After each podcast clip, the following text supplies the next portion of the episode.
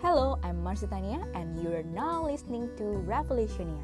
Surely you'll have full access to receive the truth that will set you free through my personal experience and revelation with Jesus.